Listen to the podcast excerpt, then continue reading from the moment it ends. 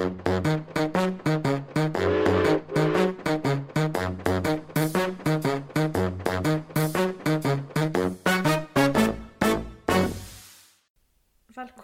til Ekspedert. Tusen takk. Jeg heter Ida, og du heter? Trond. Akkurat nå så sitter vi inne i motorvogna på museet i Narvik. Vi har rigga oss det her med en mikrofon. Hva vi gjør her, Trond? Nei, bortsett fra hvis vi ser ut av vinduet på motorvogna, så ser vi rett inn på Bjørnfjell stasjon. Høyde 513,7 meter over havet. Og på andre sida så ser vi en modell av Nordalsbrua. Norddalsbrua. Så eh, det her er jo en av utstillingene på museet. En hyggelig krok hvor det vises video og film når museet er åpent. Det stemmer. Og så har jeg hørt eh, du har ymta litt frampå om en historie om modellen av Nordlandsbrua som vi har her på museet. Eh, hvem som lagde den. Hele bakgrunnshistorie. Og den har jeg veldig lyst til at du skal fortelle nå. Ja, den kan jeg dra. Og da er vi tilbake til ikke den russiske revolusjonen, men eh, vi er tilbake til den rumenske revolusjonen som var i 1989 i desember. Da styrta de eh, diktatoren som heter Ceaucescu, og som i årene før hadde nekta folk å forlate landet for å besøke andre land. Og rumenerne de er ikke forskjellige fra oss. De har også lyst til å farte rundt i Europa og se seg om. Så eh, to ansatte på et universitet i Bucuresti, når de skjønte at de var fri, og at landet lå åpent for dem, og ikke minst muligheten for å kunne reise lå åpent, så oppdaga de at eh, hvis de arrangerte en ekspedisjon til Svalbard, så kanskje de fikk dekket noe av utgiftene fra staten. Og ellers skulle alt det formelle formelle være i orden. Det var jo som sagt ikke noe vanskelig å få tak i visum. Så de eh, satte seg på toget på sommeren i 1990 og eh, tok toget så langt som det var mulig. Til Narvik. Ja, Narvik er det nordligste utgangspunktet, eller endepunktet, på den europeiske jernbanesystemet. Så de kom hit til Narvik en sommerdag i 1990. Eh, Oppdaga at det var skrekkelig langt igjen til Spitsbergen. For på kartet deres var det bare en liten fingerbredd fra Narvik opp til Spitsbergen. Men i virkeligheten så var det flere dager med båt, og ikke minst dyrt. Så de måtte skrinlegge ekspedisjonsplanene til Svalbard, og så gikk de på rådhuset og spurte den eh, lokale næringsminister hva de kunne gjøre for Narvik kommune nå når de først var kommet hit og hadde utstyr for en større ekspedisjon og mat og vitenskapelig sprit hadde de med seg, og instrumenter og alt som trengtes for å gjøre en jobb. Og da eh, spurte han ja, hva dere kan. Og det de kunne, det var hule, grotte. Og det er det jo egentlig ganske mye av i området her. Ja, det er jo det, men de var lite utforska og lite kjent den gangen, slik at han kom ikke på noen grotter å sende dem til. Det kom de på sjøl året etterpå. Men eh, nå eh, ga han dem tilbud om å bo på Katrat, hvor kommunen hadde et tomt hus stående. Så eh, de lasta alt sammen på toget igjen og kjørte opp til Katrat, lasta av og gikk ned til nærmeste hus og gjorde seg kjent da med de som bodde der. Og en av de som bodde der da, det var jo jeg. Nå var jeg tilfeldigvis borte akkurat når den kom, for jeg var på Svalbard. du var på Svalbard. ja. De ble jo litt snurt når de hørte det, da. Men eh, jeg kom tilbake, og de var der enda, og eh, de kom tilbake neste år. De trivdes veldig godt i Norge og begynte etter hvert å forske på de hulene vi har rundt omkring i Ofoten. Og eh, han ene han ble såpass eh, betatt og eh, entusiastisk for eh, Narvik og området rundt at uh, han ble en fast gjest på Katrat. Og på slutten av 90-tallet, jeg tror det må ha vært i 95-96, så spurte han eh, tror du det er mulig å lage en modell av Nordlandsbrua. Mm. Og uh, så sa jeg det at vi må dra Da hadde jeg kontor på museet, så veien var jo kort til å spørre han Lars Lettjord, som da var sjef på museet om de var interessert i en modell av Nordlandsbrua. Det ville de veldig gjerne ha, men de hadde ikke penger. Nei. Så de lurte på hvor billig er det mulig å eh, gjøre denne modellen. Mens han Viorell, Viorel, som var den ene rumener som ønska å bygge den, han eh, sa hvor bra er det mulig å gjøre det? For han var jo opptatt av å få den perfekt. Så eh, museet klarte å få tak i penger, og han Jurell satte i gang å bygge. og Han satt oppe på verkstedbrakka på Katrat og støpte i hop de fundamentene til brua og selve skinnegangen på toppen og bærekonstruksjonene. Så var, jeg var med han en gang opp på, på brua og fotograferte nærmest hver eneste detalj på brua, slik at han aldri var i tvil om hvordan den så ut i virkeligheten. Og så fikk han tak i de originale tegningene nede på NSB. Så alt lå til rette for å lage den perfekte brumodellen. Og det gjorde han. Ja, for det er en akkurat tro kopi Ja, av brua. Akkurat like mange deler som er støpt sammen på den modellen vi ser her på sida av oss, som det er i virkeligheten.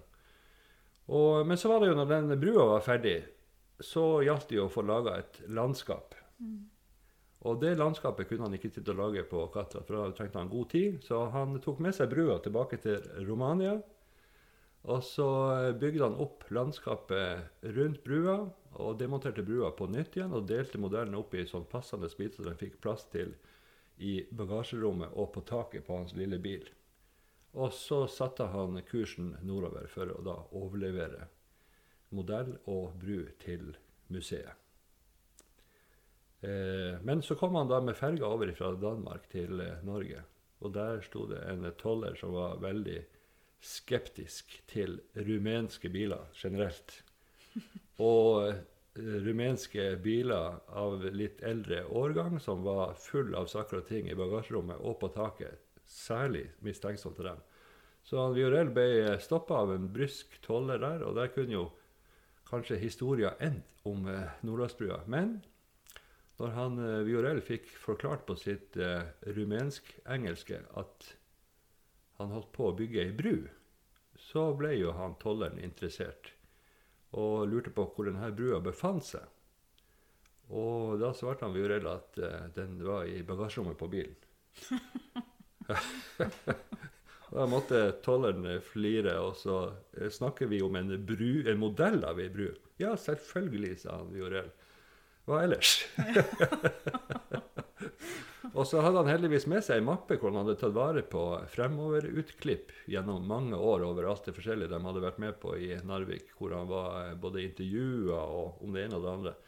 Og den gikk jo da som attest for at han kunne få lov til å dra videre mot Narvik med Nordalsbrua på, på taket. og så havna den her. Og det tok ikke lang tid før eh, det kom eh, besøk i, eh, fra LKAB, som hadde hørt nyss om at det var laga en flott modell på museet. Og det viste seg det at han øverste direktør for LKAB han var veldig opptatt av små tog og togmodeller og brumodeller sjøl. Så eh, han syntes det her var fantastisk smykke av en modell, og veldig sånn LKAB-relatert. Så eh, han spurte han Jorell kan du tenke deg å bygge ei bru til. Ja, sa han Viorell, Eh, men da må jeg få litt bedre betalt enn jeg fikk når jeg jobba her. Og så, ja, eh, det var greit. Han skulle få godt betalt. Han skulle få seks måneder på seg, og han skulle få lov til å sitte nede eh, på 600 meter under overflata i gruva, der de har et gruvemuseum. Der hadde de også et verksted. og der nede satt han Viorell og pusla i hop ei ny bru og et nytt landskap, akkurat maken til det som er utstilt her. Og den står enda nede på 600 meters dyp i Kiruna. Og eh, en ting som eh, Det er jo røykeforbud nede under eh, fjellet av hensyn til dynamitt og gasser fra fjellet. Men han Viorell han eh, var jo en, eh, en fanatisk røyker, så i likhet med mange andre østeuropeere.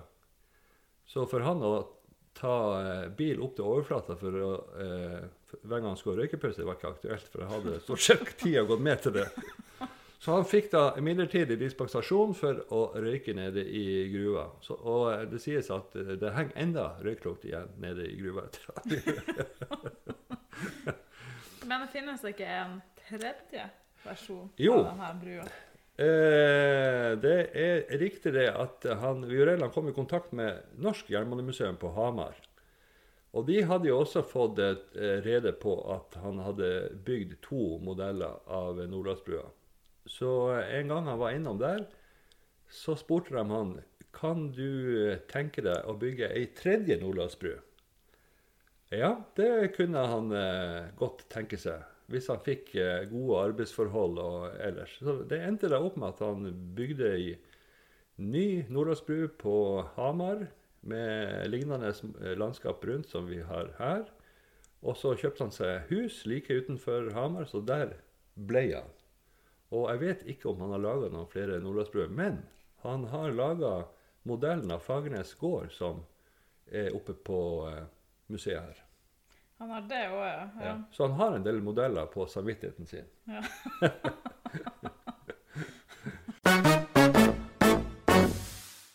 Nå har vi jo snakka litt om han eh, Viorell, eh, Trond. Men hva er det mer han heter?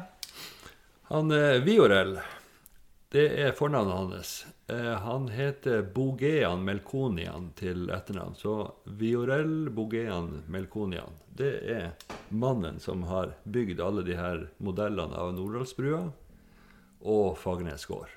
Ja, tenk det. Men har han noen eh, andre modeller på samvittigheten som vi ikke har vært innom nå? Ja, når du sier det, så kommer jeg jo på at vi har glemt den viktigste og flotteste, selveste juvelen i eh, diamantkjedet. Og det er en eh, modell som han bygde i Kiruna, nede 600 meter under bakken, i gruva på museet. På oppdrag fra LKAB, når de hadde sett hvor flott den ble, den eh, Nordåsbrua som han bygde, så spurte de kan du tenke deg å lage en modell av Katterat stasjon på Ofotbanen. Eh, Laga slik at det ser ut som den 19. mars 1993. Hvorfor akkurat den datoen? Den datoen, 19. mars 1993, det var da eh, et manntog kjørte utfor, altså spora av på Ofotbanen på Katterat stasjon, og endte opp nede i Ura, rett attmed stasjonsbygget. Med lokfører om bord og det hele. Mens selve togsettet, alle mannvogn, ble stående igjen oppe på Ja, på sporet. Eh, litt forunderlig, egentlig. Og det her eh, Det i treloket med tre seksjoner, svensk malmelokomotiv, det er på mange, mange tonn. Det dundra utfor som en kjempesvær eh, slede nedover den bratte ura utenfor eh, ned mot Egentlig ned mot Rombaksfjorden. Ja. Og der ble det liggende til det kom et eh, firma og høgde det opp og fjerna det bit for bit noen måneder senere. Men det var altså en av de mest dramatiske avsporingene og togulykkene som har vært på Ofotbanen. Så de ville ha rett og slett eh, på en måte et minne, eller en markering? Ja, det, det var såpass, en såpass eh, spesiell begivenhet at det ønsker de å få modellert. Og jeg har jo vært mange ganger nede i eh, gruvemuseet i gruvene i Kiruna og sett på de, både på Nordalsbrua og på Katrat stasjon. Og denne Katrat stasjon den er laga så bra at det, tar du et bilde av modellen og viser til andre som har vært på Katrat, så tror de faktisk at det er virkeligheten de ser, og ikke en modell. Ja, det er såpass. Da fikk dere et lite tips, de som ville se denne modellen. Jeg tror Ja. jeg og du også skal ta oss en tur dit. Ja, det å besøke gruvemuseet i Kiruna, det bør egentlig alle i Ofoten ha gjort mer enn ja, i hvert fall én gang. Men gjerne flere. Ja.